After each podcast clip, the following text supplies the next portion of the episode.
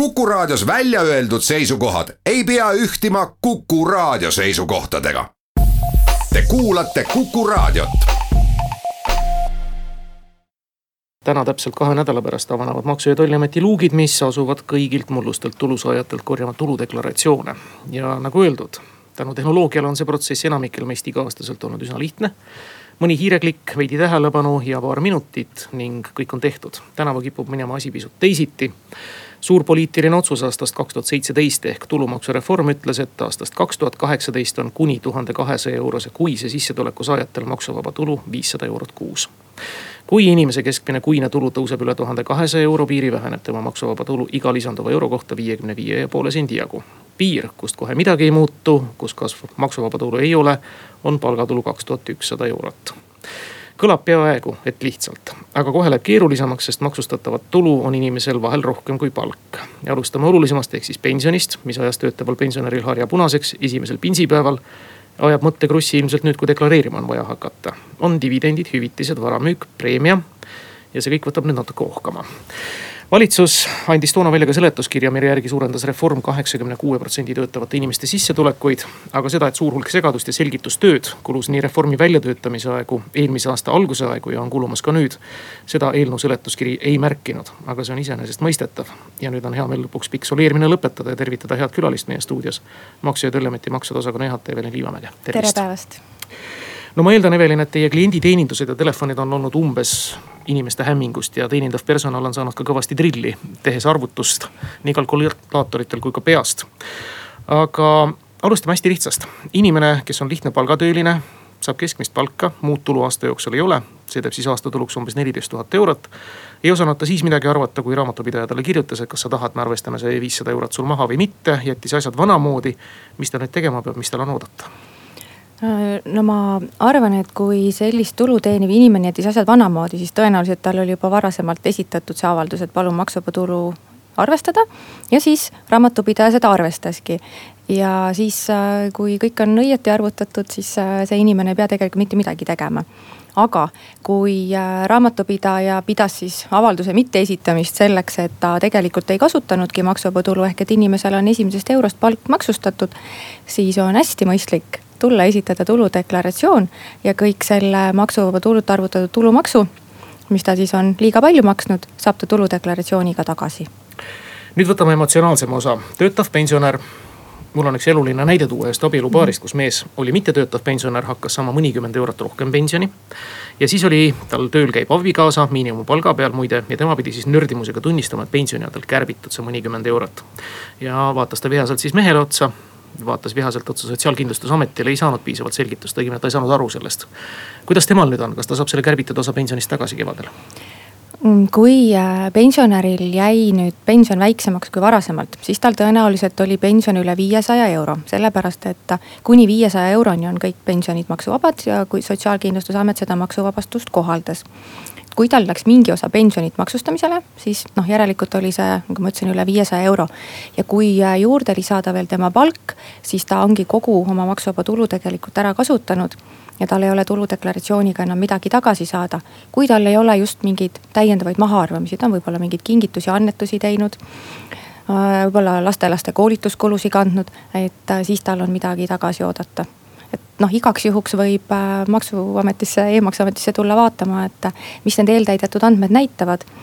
ja noh, siis, äh, siis selgub see lõplik tõde tegelikult ma usun, et hästi paljud on käinud ju aasta jooksul ja seda vist näitab ka statistika teil e-maksuametis vaatamas, tudeerimas, kui palju on neil siis tulu saada. põhiline on see, kui palju on tagasi saada ja hästi paljud on läinud selle küsimärgi juurde, mis näitavad, et ohoh, et tulumaksuvaba äh,, tähendab maksuvaba tulu on kasutamata jäetud siin kolme tuhande euro ulatuses ja nii kihvt.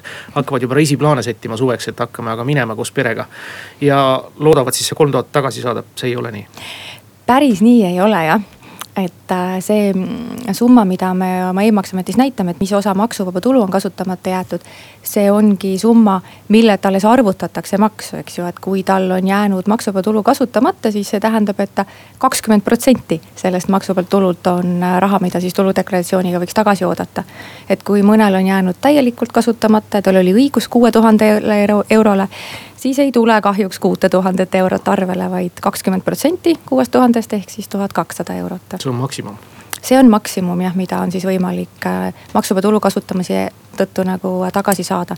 et kui kellelgi on veel lisaks mahaarvamised, laste maksuvaba tulu ja nii edasi, siis loomulikult võib see tuludeklaratsiooni järgne tagastus suurem olla.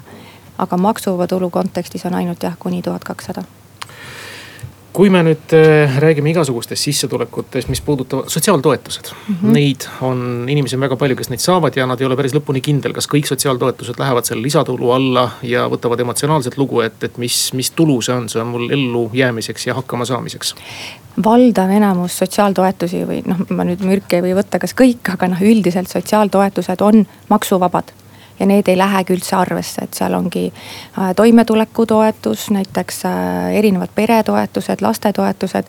Neid ei maksustata ja need ei mõjuta mitte kuidagi maksuvaba tulu ka et maksuvaba tulu mõjutavad sellised toetused, mis kuuluvad maksustamisele, noh PRIA näiteks maksab mingeid äh, toetusi inimestele mis erinevatel põhjustel seal on. kas siis mitte niitmiseks või siis niitmiseks.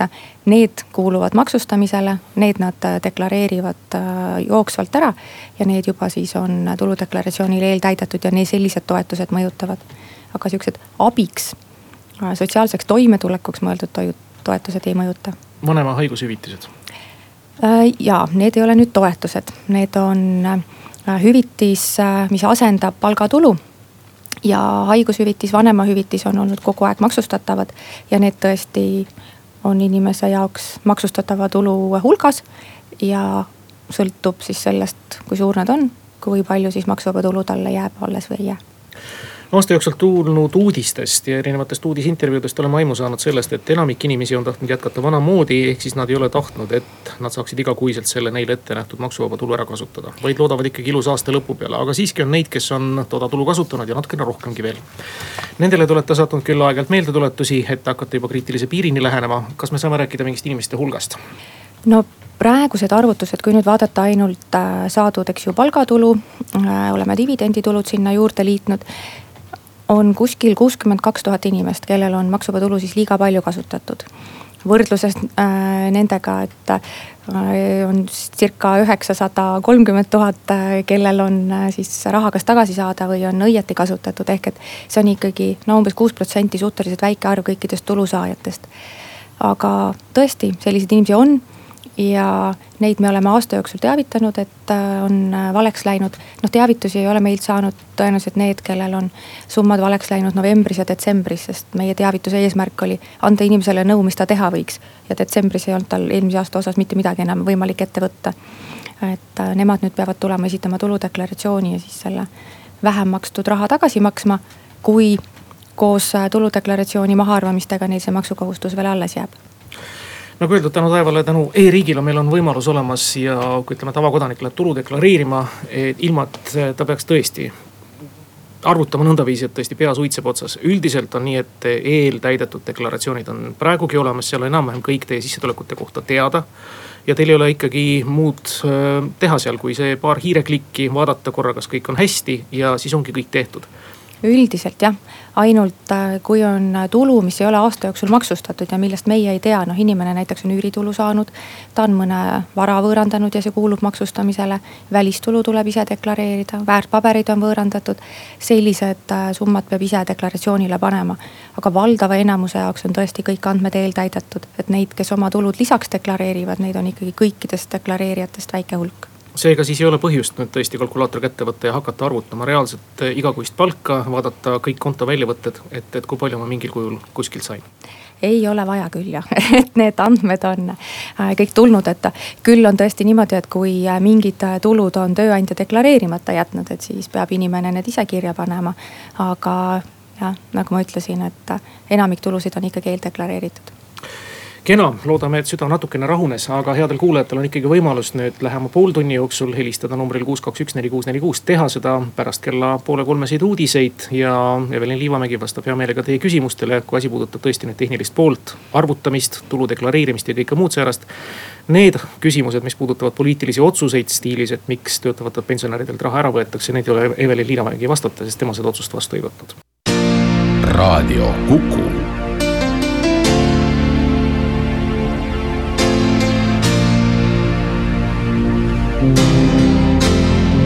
raadio mõtlevale inimesele. Te kuulate saadet.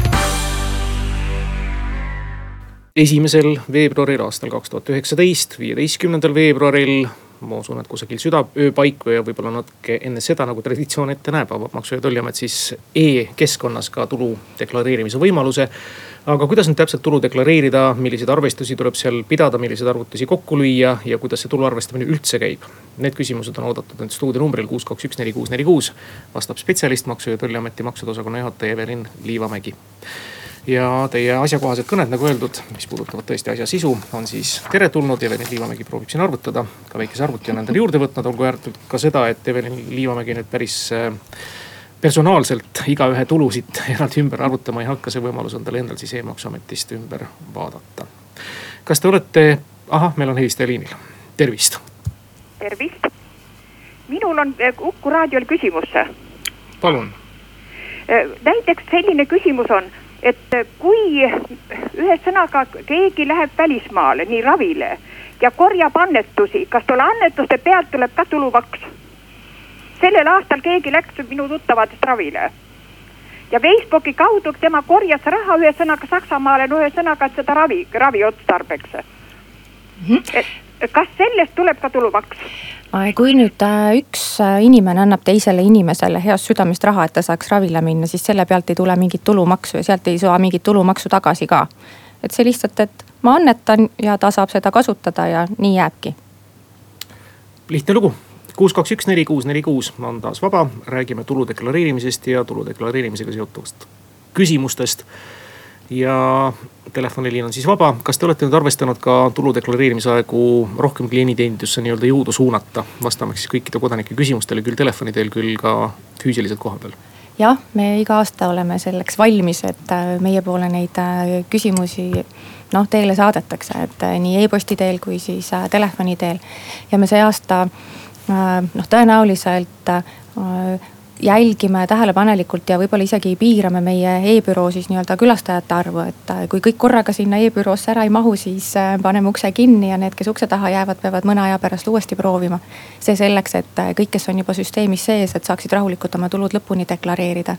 et kui keegi peaks siis nägema lihtsalt seda teadet, et tule varsti jälle, siis mitte muretsema ja tulemagi varsti jälle, et ei pea ju kõik ka esimesel päeval ära deklareerima, et raha tagastamine hakkab kümne päeva pärast, et kahekümne kuuendal veebruaril ja see ei käi päris nii, et täpselt samas järjekorras nendele, kes siis äh, tuludeklaratsiooni esitamisel nagu esimesed olid, et see on natukene seal.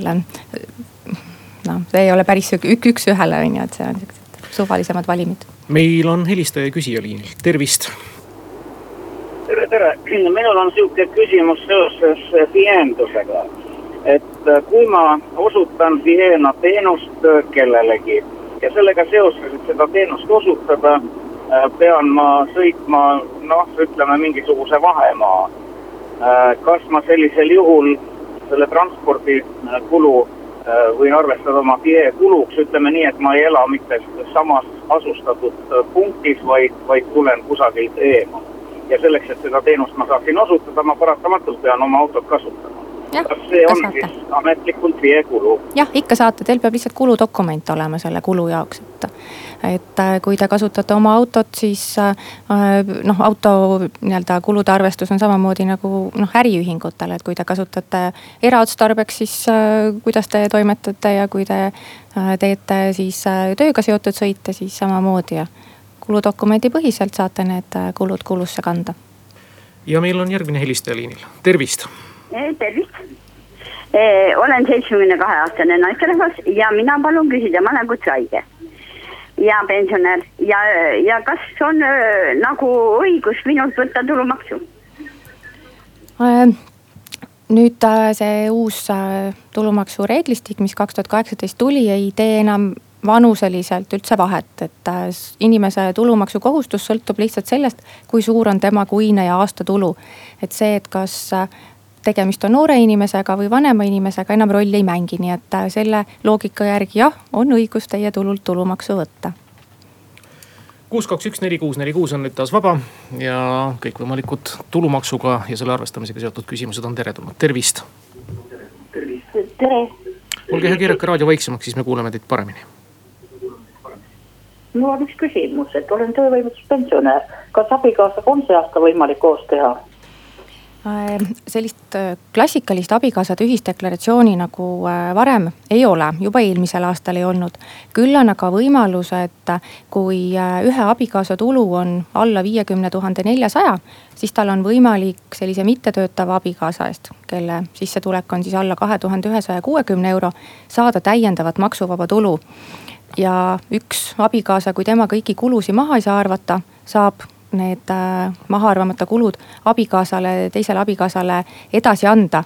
ehk et äh, mingil moel selline ühine kulude jagamine ja tuluarvestus äh, on alles. aga sellisel klassikalisel moel, nagu ta oli kaks aastat tagasi, seda enam ei ole. järgmine helistaja numbril kuus, kaks, üks, neli, kuus, neli, kuus, tervist tervist, äh, minul on selline küsimus, et äh, mina olen FIE ja samas käin ka tööl, et äh, mul nüüd tuleb need kaks deklaratsiooni kokku panna. aga mul on nagu ütleme tagasi saada raha, ütleme selle töö käimise tulu pealt, mul on kaks last ka. et kas ma nüüd ütleme selle tulumaksu saan tagasi nagu FIE-d saavad kunagi aasta lõpus, oktoobris või saan selle, ütleme era tulumaksu äh, tagasi varem? me arvutame tulumaksu äh, nii-öelda üle teie FIE ja töölkäigu tulu kokku. et äh, sihuke tulumaksukohustus on füüsilise isiku kohta ja siis äh, nii see E-vorm kui A-vorm Äh, mõlema pealt arvutatakse tulumaks, liidetakse kokku ja siis äh, pluss-miinus selgub, et kas teil on siis õigus raha tagasi saada või peate juurde maksma. ja kui on raha tagasi saada, siis äh, ei jää keegi ootama esimest oktoobrit, et raha tagasimakse tähtaeg on esimene juuli. aga kui te selle nüüd esitate, siis te saate selle kindlasti varem tagasi kui esimesel juulil siis ja see nüüd esitamine on siis, meenutame, see viisteist? Äh, jah, no ütleme siin nüüd ma mõtlen siin ikkagi veebruariks, et kõik ei pea päris viisteist esitama ja, tulema. just. ja meil on järgmine küsija liinil, tervist. tervist äh,. selline küsimus, et äh, müüsin korteri, ostsin kaks tuhat neli aasta korteri ja nüüd müüsin selle maha, kas ma pean korteri pealt maksma tulumaksu? et oli nagu selline jutt, et kui kahe aasta jooksul ei ole müünud, et siis ei pea maksma või? kas see korter on teie eluase? Ta oli mu laste eluase oli, lapsed elasid, kolisid Austraaliasse ja, ja minu nime peal oli korter jah. Mm -hmm.. noh, põhimõtteliselt on niimoodi, et kui see oleks teie enda eluase, siis te saaksite müüa ühe äh, eluaseme kahe aasta jooksul maksuvabalt.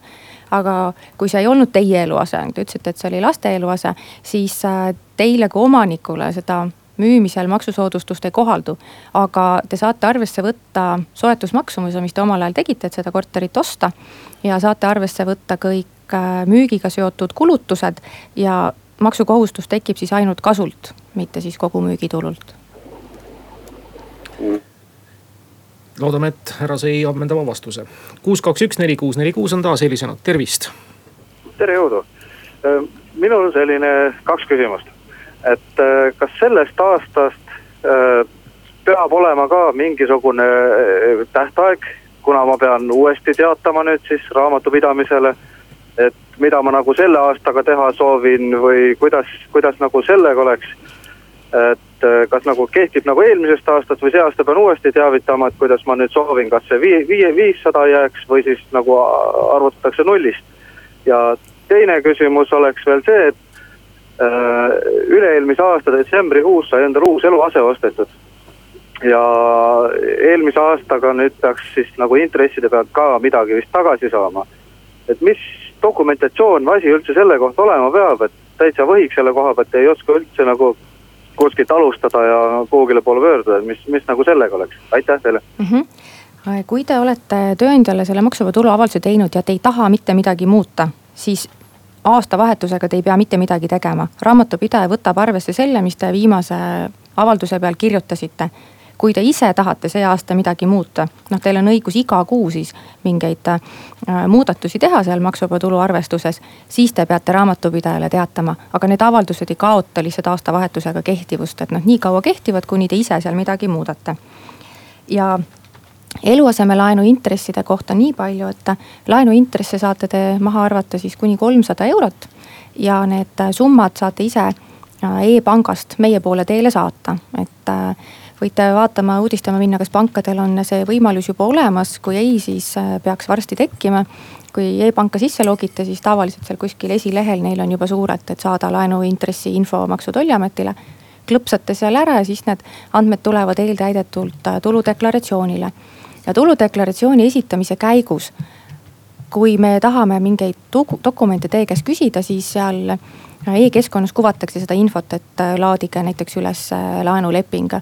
kui seda seal ei küsita, siis te ei peagi mitte midagi tegema, kinnitate tuludeklaratsiooni ära ja siis me anname teile raha tagasi stuudios on kuulajate küsimustele vastamas Maksu- ja Tolliameti maksude osakonna juhataja Evelin Liivamägi. number stuudios kuus, kaks, üks, neli, kuus, neli, kuus, kuhu teil on võimalus helistada ja küsida ja meil on ka telefonil juba helistaja olemas, tervist. tervist, äh, selline küsimus, äh, võõrandasin eelmine aasta aktsiad mm. -hmm. aga äh, ühesõnaga ma kaotasin mm. -hmm. nii, mida nüüd tegema peab? no aktsia müük tuleb deklareerida ja selle kahju te saate edasi kanda järgmisel aastal. Ja kui teil järgmisel aastal peaks tekkima kasum, siis äh, võtame selle kahjumi, kasumi maksustamisel arvesse. Et kui te olete kasutanud investeerimiskontot, noh siis äh, sellist klassikalist kasumi, kahjumi maksust-, kasumi maksustamist ei ole. et siis maksate raha, kui te võtate investeerimiskontolt raha välja. Aga kui seda ei ole ja on tavapärane, siis lihtsalt deklareerite ja kasumi saate järg- või kahjumi saate järgmine aasta arvesse võtta kuus, kaks, üks, neli, kuus, neli, kuus on stuudios telefon, räägime siis kõikvõimalikest tuludest, kuludest ja küsimused selle kohta, mida maksustada, mida mitte. ja kuidas talitada, on oodatud, tervist. halloo siin kajas nüüd küll saategi enda kõne vastu, aga proovige uuesti kuus, kaks, üks, neli, kuus, neli, kuus stuudiotelefon ja kasutage juhust. kaks nädalat on jäänud siis tuludeklaratsioonide esitamiseni ja esimest korda siis päris uutes tingimustes, tervist. Tervist, äh, ma olen raadios jah. ja. Äh, küsimus sihukene, kui ma saan seda represseeritu raha, ühesõnaga no kes Tšernobõlis, kes Siberis, ühesõnaga kas selle pealt, mis on see kolmsada kakskümmend eurot, kuidas selle rahaga peab olema um,? vot siin nüüd ma ei tea, kas see on teil maksustatud tulu või maksustamata tulu. et kas ta on nagu see represseeritud toetus, kui ta on toetus, äh, kohalik omavalitsus ei, maksab, siis ma pakun, et ta on maksuvaba. maksab ju Sotsiamet. See on kas... nagu, see on nagu olnud ühesõnaga, mis need ravimite ja nende bussisõidud olid siiamaani ja nüüd, nüüd on iga aasta laekub see raha mm -hmm. arvele ühesõnaga. no kuidas sellega nüüd siis peab olema, kas ta siis on, on see või ei ole, ühesõnaga ma ei teagi noh, ma arvan, et siin oskab teile kõige paremini Sotsiaalkindlustusamet ise öelda, et kas see tulu on maksustatav tulu või mitte. kui ta on maksustatav tulu, noh siis äh, sellest sõltub noh, liidetakse teie pensionile otsa ja selgub, et kui palju siis äh, maksukoormus on. aga kui see on selline maksuvaba toetus, siis saategi lihtsalt selle endale ja ütleme, sellist maksukoormust see ei mõjuta. et mina siin selle äh, raha osas tõesti jään vastuse võlgu. sotsiaaltoetus loen mina välja kui ma siin hakkasin. no kui on jah, kui on sotsiaaltoetus, siis ta tõenäoliselt on äh, maksuvaba, kui Sotsiaalkindlustusamet maksab ja siis sellega ei olegi mitte midagi muud, kui see lihtsalt laekub teie kontole. ja, aga me kuulame järgmist helistajat, tervist. Tere päevast. Öelge, kui mina üürin korterit, ma elan mujal, kas ma pean selle siis nüüd deklareerima või? te üürite ise korterit välja kellelegi, jah? nojah, ma elan maal mm -hmm. vahel ja vahel elan seal ja siis ma nüüd viimane aasta üürisin ta välja, et ta on peaaegu aasta olnud ära. ja see üüritulu tuleb deklareerida, aga, ja siis sellelt äh, tulult tuleb tulumaksu maksta aga mitte siis äh, kogu seda raha, mida võib-olla üürnik teile maksab, et need kommunaalkulusid ei pea meile deklareerima, ainult see osa, mis siis kommunaalkulusi ületab, on teie üüritulu ja see tuleb tuludeklaratsiooni ise kirja panna kuus, kaks, üks, neli, kuus, neli, kuus on taas vaba ja ootab siis kõiki tuludeklaratsiooniga seotud küsimusi. tervist. tervist, selline küsimus, et kas välismaalt saadud stipendiumid on ka, lähevad, tuleb deklareerida? sõltub stipendiumist, kui ta on sihuke maksuvaba stipendium, et näiteks ülikool maksab teile, siis ei pea. aga kui. kui on maksustatud välisriigis kui ta on maksustatud juba välisriigis. selline ja. välisriigis maksustatud tulu deklareeritakse tuludeklaratsioonis küll, aga sellelt äh, noh, Eestis äh, tõenäoliselt ei pea midagi juurde maksma, kui ta on välismaal juba maksustatud. ja aga kui see tulu läheb suuremaks kui see noh, kaks tuhat eurot kuus kas siis tulumaksu tagastust, see võetakse ikkagi arvesse? ja kui on maksustatud tulu välisriigis saadud, see loetakse tulu hulka ja siis vaadatakse, kui palju teil Eestis seda maksuvaba tulu on õigus kasutada, et kui see on väga suur maksustatud stipendium, siis see võib Eesti tulu nii-öelda maksukoormust tõsta. kuid kui see, lisaks sellele on ka stipendium välisriigist, mis ei ole maksustatud, see tuleb ka deklareerida?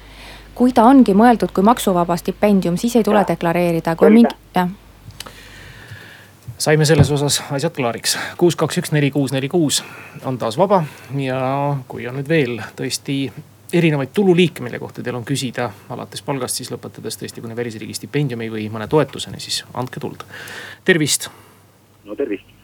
kuulge, ma küsiks lugupeetava külalise käest, et sellesama üürikorteri koha pealt, kui ma üürin välja, et äh, te väitsite, et see saadud üüritasu on justkui nagu kasu äh, minu teada kasu on ikkagi see, mis jääb järgi peale kulude mahaarvamist et ma väidan seda, et need kulud, mis üürileandja ehk omanik teeb oma äh, vara parendamiseks, korras hoidmiseks ja nii edasi, ma ei räägi siin äh, kommunaalkuludest.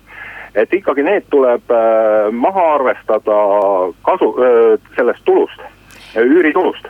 Ja selle pealt maksta tulumaksu.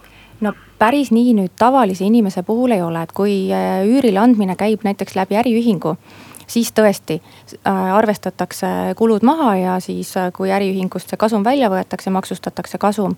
tavalise füüsilise isiku puhul ei ole nagu mõeldud, et ta peaks nii detailset arvestust pidama ja sellepärast on tehtud lihtsustatud reegel et äh, kakskümmend protsenti kogu üüritulust ongi arvestatud kulude katteks.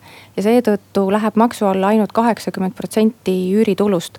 aga mingeid kulupõhiseid mahaarvamisi tavalisele inimesele seadusega ette nähtud ei ole kuus, kaks, üks, neli, kuus, neli, kuus on järjekordse küsija vastu võtnud, tervist. tere päevast, mis, mis ütleb seadus, kui mul on Hiiumaal suvila ja ma tahan selle müüa, ma ise elan Tallinnas. Suvekodu, maakodu mm. -hmm. kui ta on äh, suvila ja tema juurde kuuluv maa on siis vähem kui null koma kakskümmend viis hektarit, siis te saate selle suvila müüa maksuvabalt. aga kui ta on selline noh, teie peate suvilaks, aga ta tegelikult on äh, noh midagi muud, noh mingi maamaja või vana talumaja, siis selline äh, suvila maksusoodustus ei kohaldu ja siis peab vaatama, kas kohaldub äkki mõni muu maksusoodustus, et sõltuvalt sellest, kuidas te selle suvila näiteks omandanud olete, et seal erastamisel olid äh, soodustused, kui on erastatud või kui on tagastatud, et neid äh, erinevaid maksuvabastusi vara võõrandamisel on päris mitmeid. et siis peab hakkama detailselt vaatama, mis need on. et äh, võite helistada meie infotelefonile või ise lugeda veebist, et siin on selle kohta pikalt informatsiooni, et see ei ole päris nii üks-üheselt siin raadioeetris vastatav kuus, kaks, üks, neli, kuus, neli, kuus on järgmise küsija vastu võtnud, tervist. tervist niisugune küsimus, äh, kui jääb Soomes pensionile ja Soome pension on nii väike, et Soome riik seda ei maksusta ja, ja inimene saab ka Eestis pensioni. kas ta peab siis äh, noh, nagu kokku võib-olla tuhat kakssada eurot tuleb või et kas siis on ka maksustamisele kuulub no kui tegemist on noh maksustamise mõttes Eesti residendiga, siis ta peab jah, kogu oma tulu panema tuludeklaratsiooni kirja. ja kui see ei ole teises riigis maksustatud, siis maksustatakse Eesti reeglite alusel, nii et see tõesti võib minna maksu alla telefon kuus, kaks, üks, neli, kuus, neli, kuus on vaba, meil on veel mõned loetud minutid. Evelin Liivamägi on stuudios ja vastab teie maksu ja tulu deklareerimise alastele küsimustele, tervist. tere päevast, mina olen ikka see mees, ma olen põlistalude kohta küsin teie käest, et meil ju võeti kõik Põlviste alude varad võeti ära ja, ja üheksakümmend kaks pidid tagasi saama ka kolhoosi omad, kes seal olid, müüsid varad maha ja ja oleme siin püüdnud ikka oma põldu, aga, aga siis põllu või maa anti tagasi. aga harida ei ole mitte millestki, millegagi, aga, aga tulumaksu peab või maamaksu peab maksma ja üks asi on ka see, et need maad on ju välja ostetud meie, meie vanematele, et see on mingi kuritegu. külades ei ole inimesi just sellepärast, et on ära hävitatud. inimesel ei ole mitte millegagi oma põldu harida. aitäh, kas siin oli nüüd no, käis üks maksualane küsimus ka läbi no,. maamaksu puhul on mm -hmm. tõesti, et äh, kui ollakse maaomanik ja ei ole eraldi maksuvabastust ette nähtud, siis äh, tõesti peab maksma. et äh, siin poliitiliselt on niimoodi otsustatud ja mul kahjuks ei ole midagi muud vastata. Me jõuame ühe kõne veel vastu võtta selles Vox Populi veerandis ja siit kõne tuleb, tervist.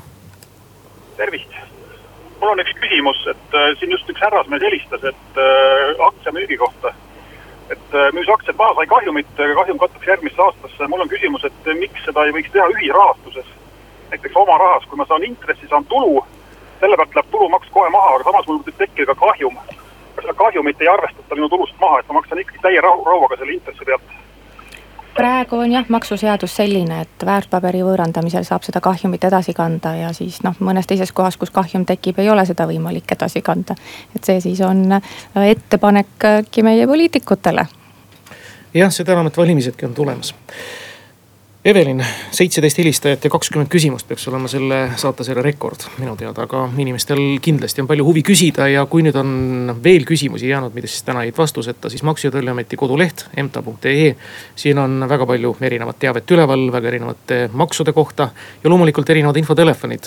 Mm, siin on nii äriklientidele kui eraklientidele Need on ka Maksu- ja Tolliameti kodulehelt välja toodud, olete teretulnud helistama, nagu Evelin Liivamägi ütles, on jõud äh, koondatud. eriti siin just tulude deklareerimise eelsel perioodil, nii et on võimalus siis küsida. suur tänu teile tulemast. pidage vastu, see maksude deklareerimise aeg ja loodame, et kõik laheneb. jah, ma usun küll, et äh, iga muudatus on alguses äh, noh, sihuke võib-olla ehmatav ja raskesti hoomatav, aga ma arvan, et inimesed nagu harjuvad ja siis see aasta on juba selline, seda uudsust on vähem ja inimeste otsused võib-olla rohkem läbimõeldud ja üllatusi ka seetõttu vähem